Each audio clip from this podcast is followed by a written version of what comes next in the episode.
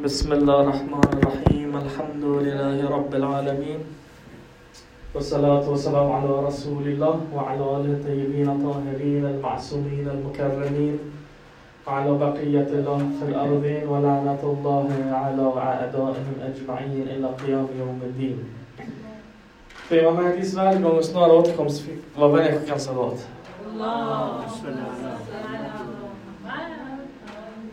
Förra gången vi pratade om taqwa. Idag vi ska fortsätta prata om taqwa. Och nästa torsdag inshallah ska vi avrunda vårt ämne med taqwa i powerpoint-form. Som vi förbereder för en broder som önskar det, som inte är här andra gången. Men det spelar ingen roll. Kom ni ihåg vad vi sa att taqwa var för någonting? Vi sa att taqwa är att avhålla sig, undvika, skydda sig från allt som är fult och skadligt. Det är taqwa. Mycket enkelt. Avhåll dig, undvik, skydda dig. I en eh, hadith vi hör att en person kommer och frågar vad är taqwa för något? Och så säger han, har du gått igenom en, eh, vad heter det? En bädd av rosor någon gång? Och så, ni vet, vad, vad är rosor för karaktär? Det är fullt med taggar. Så han sa, ja det har jag gjort. Han sa, när du gick genom den här, passerade den här rosenbädden, lyfte du upp din mantel så att den inte skulle fastna i rosorna? Han sa ja, i taggarna. Han sa ja. Han sa, det här du gjorde, det kallas för taqwa. Det kallas för taqwa. Yani du avhåller dig, undviker att smutsas och skadas. Mycket enkelt. Okej, okay ska jag försöka dra undan de här eller funkar Så kanske det Okej. Okay. Så då är frågan, vilka praktiska effekter har taqwa? Yani om jag undviker och avhåller mig från synd, från det som är fult. Vad är det för praktiska effekter på mitt liv? Vilken relation finns det mellan taqwa och basira? Basira är eh, insikt, medvetenhet, eh, utsikt. Som jag brukar säga. Alltså du har en insikt i saker och ting, vad man ska göra. Vad fin finns en relation och hur är den? Ni vet, ända sedan grekerna, de grekiska filosoferna, på den tiden, de kom och delade upp människans förnuft och intellekt och AKR i två sorter. Två sorters intellekt. Kan ni gissa vilka två typer av intellekt?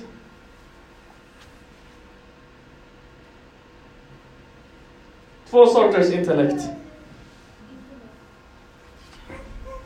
Teoretisk och praktisk intellekt. Aql. Teoretisk och praktisk. Från grekerna, sen de islamska lärda kom också det, hade samma uppdelning. Vad är te teoretisk intellekt? Teoretisk intellekt bedömer fakta. Den hämtar fakta, den kollar på den, den verifierar den, den bedömer den, den agerar efter den. Exempel, kan, kan, ni, kan, kan ni komma på något användningsområde?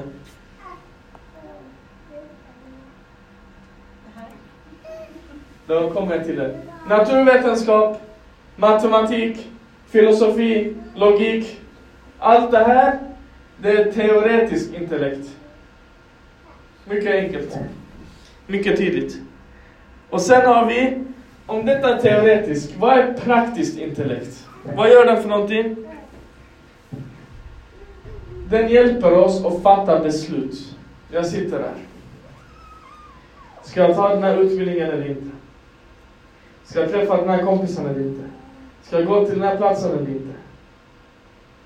Jag ser den här personen förtryckas, ska jag hjälpa till eller inte? Allt det här det är praktiskt intellekt. Vad är det för användningsområden? Moral, etik, samhälle, politik och så vidare. De som har praktiskt intellekt, det är dessa områdena som det används. Praktiskt intellekt. Den ger människan grundvärderingar. Den skapar koncept. Bra, dåligt, synd, merit, nödvändigt, onödigt. Vad betyder det här? Det betyder att praktiskt intellekt, det är ett moraliskt kompass. Den urskiljer rätt från fel för oss.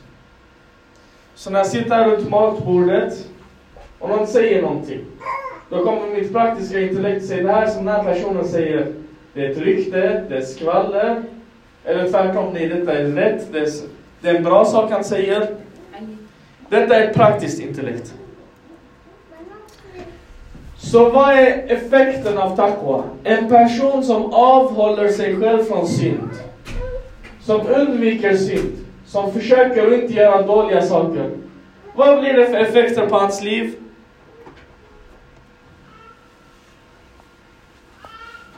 I en mening, det förstärker det praktiska intellektet. Den stärker och det ger visdom. Vad gör den? Taqwa, den kommer identifiera problemet och finner lösningarna. Vad gör taqwa inte? Den påverkar inte det teoretiska intellektet. Alltså du kan vara världens mest gudsfruktiga person. Det betyder inte att du blir bättre på matematik. Det är två olika sorters intellekt. Vi brukar blanda dem och vi säger bara intellekt. En person som är intellektuell, en person som är förnuftig. Det här när det används, oftast folk menar teoretiskt intellekt. Det betyder inte att de är praktiskt intellektuella. För vi kommer till frågan. Varför gör vi saker som vi vet är fel och dåliga för oss? Varför? Jag vet att jag har den teoretiska kunskapen. Det är fel. Varför gör jag inte den? Eller varför gör jag den?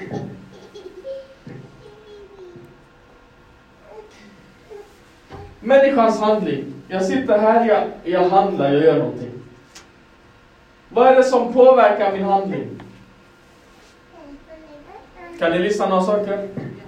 Vad påverkar min handling?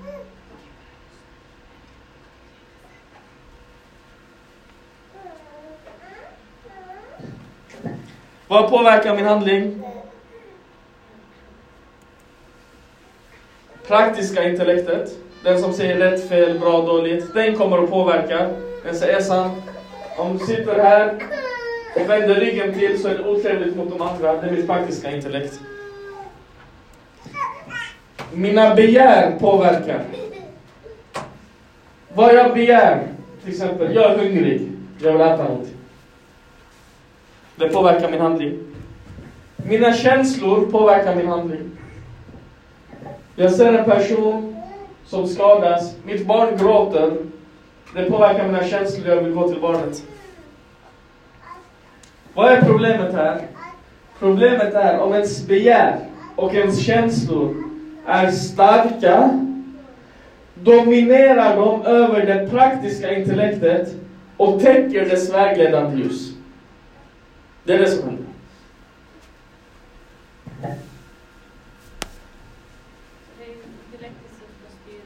Det här är ett väldigt enkelt exempel. Kolla här.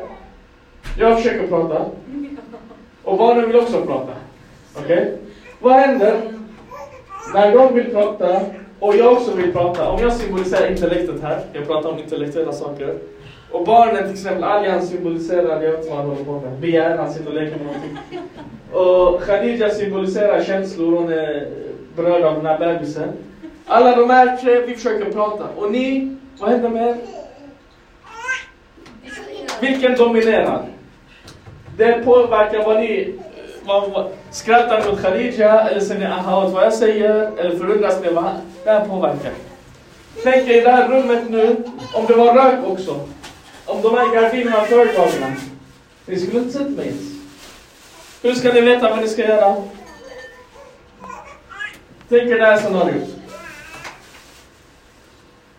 Om, I vissa personer, eller inte vissa, många människor, detta är deras hjärta. De har tusen olika känslor och begär. Här i mitten någonstans, säger det han. Han är intellektet. Han säger hallå, människor. Hallå, hallå. Ingen hör vad han säger. Nummer ett. Nummer två, ingen ser honom ens. Vem av dem är det med all den här röken, all den här stöken? Du vet inte vad som är vad. Förstår ni exemplet syskon? Systrar, det är ingen annan där. Och så har vi detta kontrasten, motsatsen. Väl här. Här sitter alla tysta, lugna och tittar på solen. Ser ni skillnaden? Detta är krigstider. Men de är tysta, de sitter, de lyssnar. De tar till sig. Så det är det som händer i oss, detta påverkar vår handling. Man säger Sadi, Sadi är en persisk poet eh, och mystiker. Han säger sanningen är ett fläckfritt hus. Lust och begär är sandstormen. Ser du vart sanden blåser? Ingen kan se, även om han har bråttom.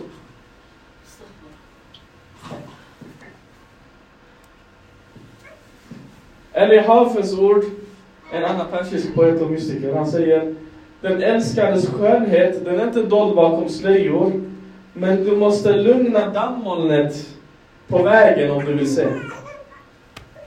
Har ni sett till exempel om det är grusväg och sen kommer hästar och galopperar och det blir fullt med eh, dammoln. Du ser inte vägen längre. Eller dina ögons fel, eller det dammet. Dammet måste ner, så ser du igen. Nu har jag en fråga till er. Det är en mycket enkel fråga. Vad är det för skillnad mellan dessa två studenter? Vad är det för skillnad? Båda kom hem från plugget, från skolan. Vad är det för skillnad mellan de här två?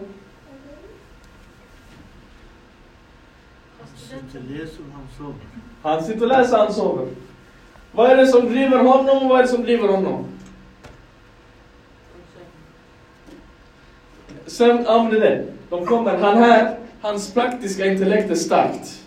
Han har också begär, han vill också sova, han vill också ta det lugnt. Han vill kolla på serier, äta chips. Men hans praktiska intellekt är starkare, så den dominerar. Han lyssnar, han säger nej, gör dina uppgifter, detta är din framtid, du ska utbilda dig, du ska och så vidare. Den andra bara, ah. Slunt i den, jag sover, sen när jag vaknar, Allah Karim, om jag orkar, jag gör någonting då. Och man ser sen, vad händer när de ska examinera sig? Hans resultat och hans resultat, det är stor skillnad.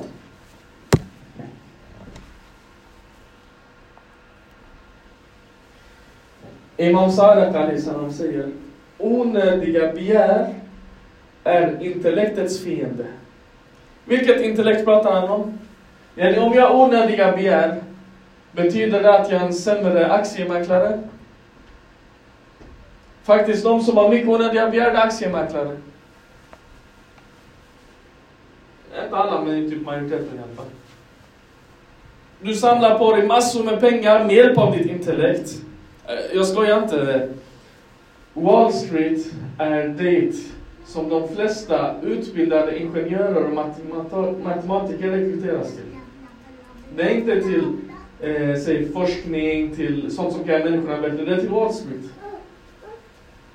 De flesta, de duktigaste bland ingenjörerna och så vidare, ekonomerna, eh, eh, matematikerna, går till Wall Street.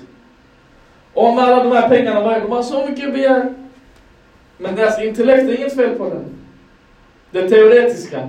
Imam Sadr pratar om det praktiska intellektet. Det olika. Imam Ali Ali salam säger flesta av intellektets brister är på grund av giriga impulser. Du sitter här, du får en girig impuls. Vad är en girig impuls? Du tänker på dig själv.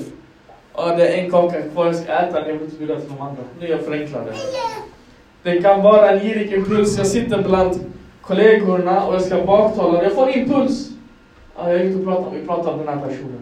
Vad är det en impuls? Den kommer. Den, alla de här gör brister hos mitt praktiska intellekt. Den orsakar brister. Shaitan kom, vem, vem är impulsen? Vem kommer impulserna från? Det är från Shaitan Han kommer, han ger impuls. När du agerar på en tillräckligt många gånger så blir det en dålig egenskap hos dig. Och när egenskapen blir en del av din person så driver den dig till att göra fel val.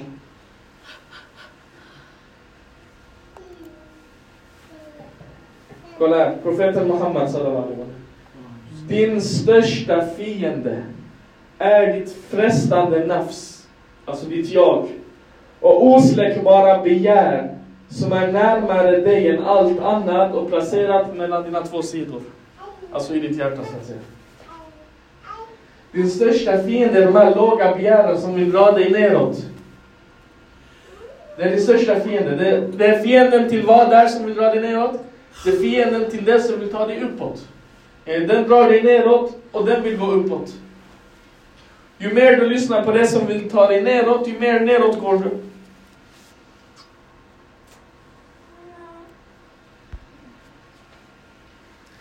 Taqwa och basira. Vad är taqwas roll? Det är att stärka praktiska intellektet och utöka basira så dess ljus är väg, vägledande i människans handling. Så enkelt. Yani när du agerar, om vi ska förenkla du agerar religiöst. Enligt religionens föreskrifter. Både de ytliga och de moraliska. Okej, okay. en vecka, två veckor, tre veckor, fyra veckor. En hadith säger att en person som i 40 dagar håller sitt hjärta ärligt för Guds skull. Så alla handlingar han gör är ärliga bara för Guds skull. Från den här personen, han, hans hjärta kommer bli som en fontän av visdom. Vad betyder det? Att praktisk intellekt kommer forsa ut honom. Det kommer vara vägledande. När du håller dig, du stärker där som vill uppåt. Efter en vecka, två veckor, tre veckor, där som vill uppåt, drar med dina känslor, dina begär åt det hållet också. Vad är det bästa exemplet på det här? Månaden Ramadan. Vad är det när vi fastar? Kommer du ihåg första två, tre dagarna? Magen, ah, gå och ät, ah, mat. Den tänker bara på mat. Efter en vecka, magen har ingen röst längre, även om det är 20 timmars fasta som i Sverige. Helt plötsligt din själ, ah, jag ska till moskén. Ah, jag ska läsa lite Koran. Ah, jag ska göra en bra handling. 20 dagen, känner igen det här, eller Det är den här, den kommer och stärker det som vill uppåt. Otämjda egenskaper såsom ilska, lust, begär, avundsjuka, själviskhet etc. De här gör en människa döv och blind. Har ni sett en person som blir rasande av ilska? I ett ögonblicks ilska, den här personen kan ta sin hand och slå en annan person och döda den här personen. På ett ögonblick. Yani om han fem minuter innan hade vetat att detta kommer hända så hade han inte låtit det ske. Och fem minuter efter han har gjort det, han ångrar sig för resten av sitt liv. Men i det ögonblicket, ilskan, den finns där. Han, jobb, han jobbar inte på den, han låter den vara, låter den vara, låter den vara. Helt plötsligt den tar över honom och kastar ner honom. Samma med lust, med begär, med avundsjuka.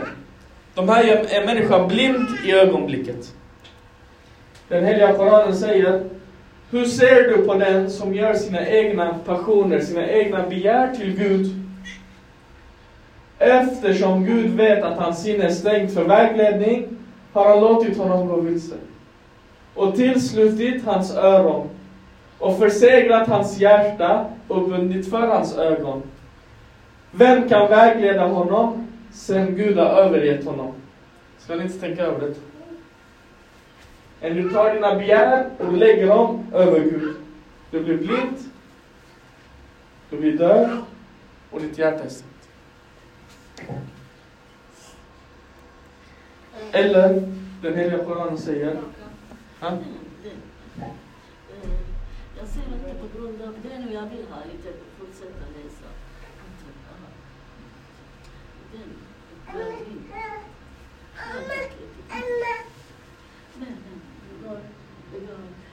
på det här projektet.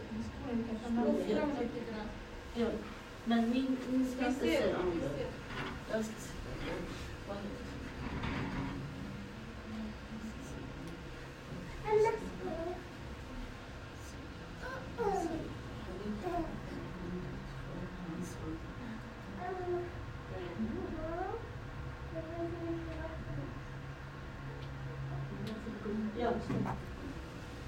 Nästa vers.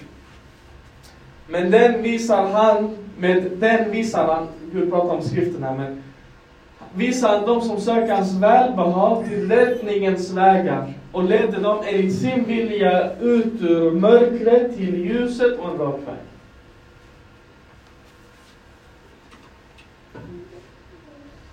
Ni vet att Koranen är Koranen är ett praktiskt intellekt och den stärker vårt praktiska intellekt. Eller hur? Så vad den gör när man följer det här praktiska intellektet, den visar oss vägen till räddningen. Den för oss från mörkret till ljuset. Tydligare än så kan det inte bli.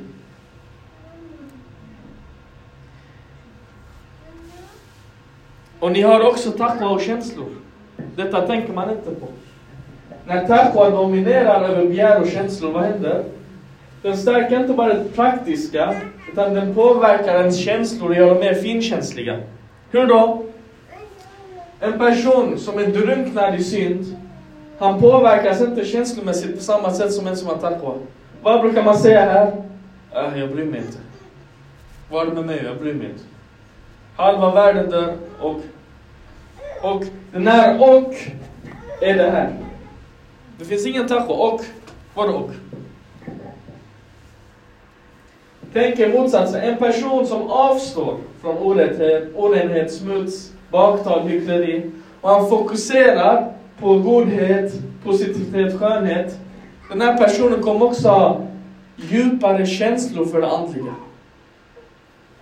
En sån här person, han, han är som, säg Abu Dhar. Han kommer från avstånd, från avstånd. Han tittar, han ser profeten. Han blir kär. Ah, därifrån, han springer, han kramar.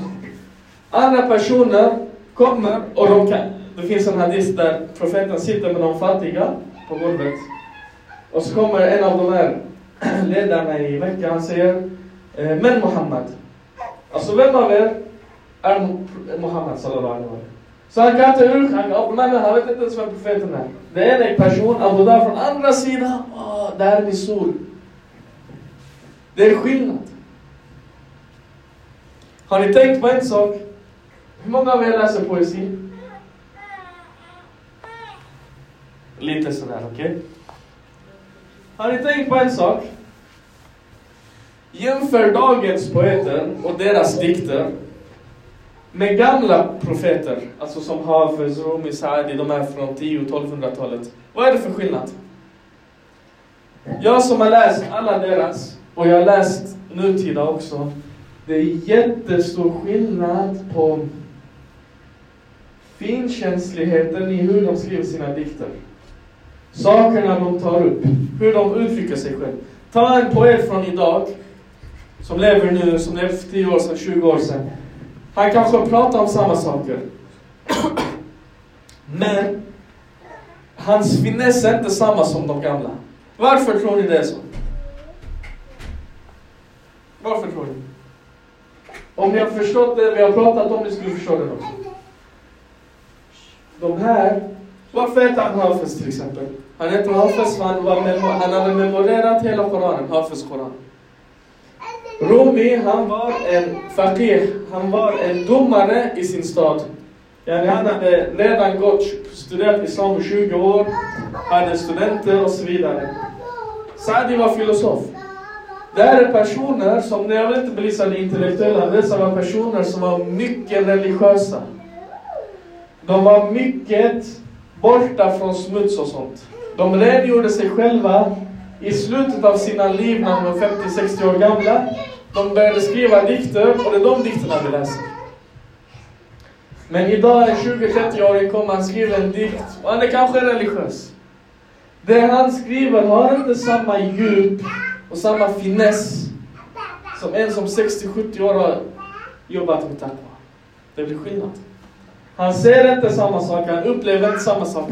Det han skriver är eh, produkten av hans kreativitet.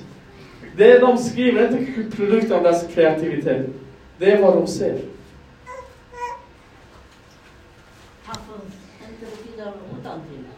Nej, hans namn var så. Aha, du menar har det är namn. Det är ett namn, ja, precis. Okej, test för att se om ni har förstått. Om ni har förstått. Vilka praktiska effekter har taqwa? Vad har det för praktisk effekt? Varför ska jag taqwa? Vad är det bra för? Ja, men vad är den bra för? Vad är den bra för? Varför ska vi göra det? Taqwa är inte en idiotmening. eh, Om man har taqwa Som är.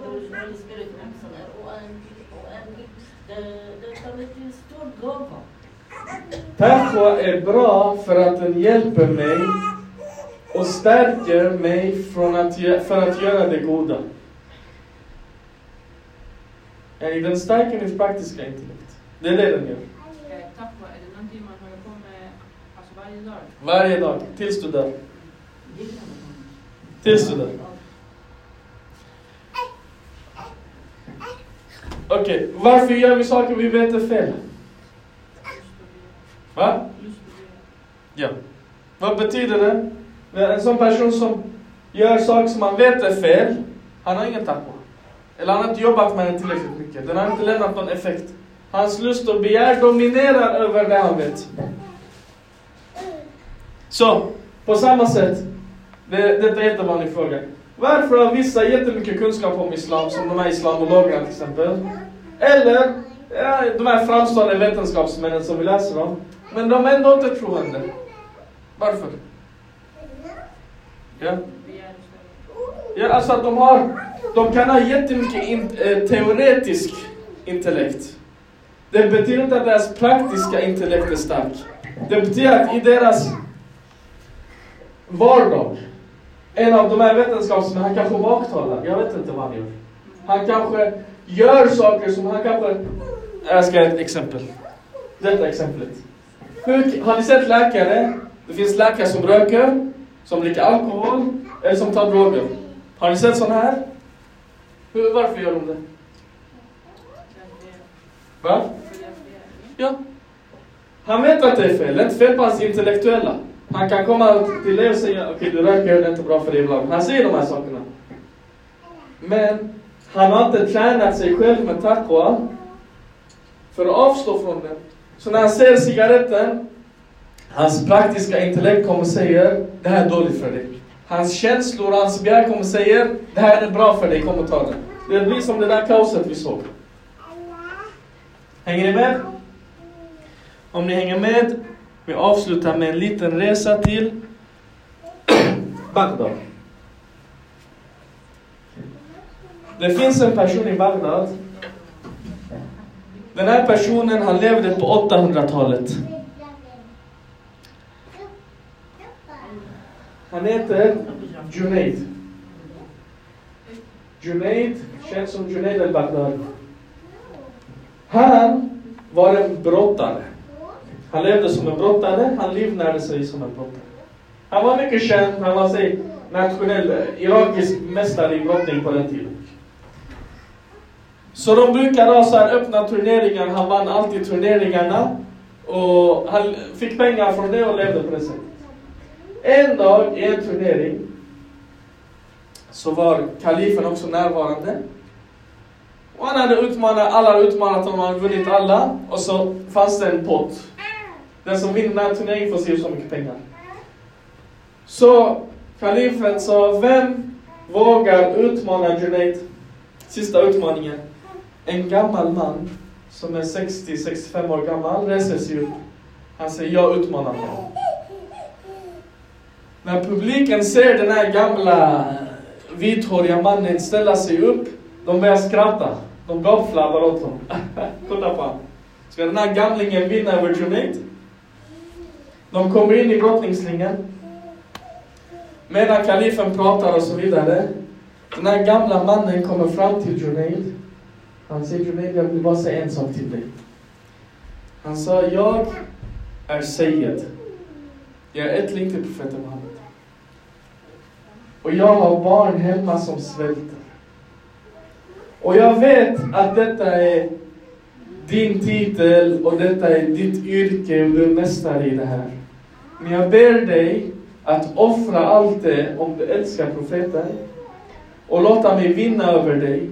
För med de prispengarna så kan jag försörja min familj ett helt år.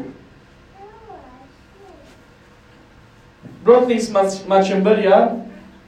Junaid kommer och kastar den här gamla mannen tre, fyra gånger så att ingen ska ana någonting. Sen på ett sätt, han lurar alla och låter den här gamle mannen få övertaget över honom och lägga honom på rygg och sätta honom, den gamle mannen sätter sig på hans bröst. Och alla ställer sig upp och applåderar. Hur kunde den här gamle mannen vinna och applådera honom? Och han vinner priset. Junaid går och den natten, han går och lägger sig och han drömmer. I den här drömmen, profeten kommer till honom. Han säger till honom, jag Junaid. Du offrade din heder och ditt namn och ditt rykte av kärleken till min familj. Från och med idag så kommer jag ta ditt namn och registrera dig bland Guds vänner. Och ni vet, Junaid blev en person som är idag, vi minns som än idag, som en av de stora filosoferna och mystikerna. Han fick ett stort följe, han hade massor med studenter. Och han, han eh, grundade den så kallade, en speciell inriktning inom andlighet av islam. Han var bland de första på 800-talet. Han började så här, tänker. En person, enkel, han brottas. Han kom i ett scenario, och detta, detta scenario kommer hända oss alla. En dag vi kommer stå inför den här gamlingen. Och den här gamlingen kommer och ber honom offra hans begär och hans känslor och hela hans person. Och han gör det. Vad betyder det? Det det han gjorde där, det är inte att den dagen han besegrade sitt ego. Nej. Junaid, hela sitt liv han brottades med sitt ego. Men detta var första gången han visade upp det öppet framför andra. Att hos mig, det är inte mina begär och mina känslor som styr mig. Det är mitt praktiska intellekt. Det är min taqwa. Och resultatet blir att vi sitter här idag i Malmö och pratar om honom.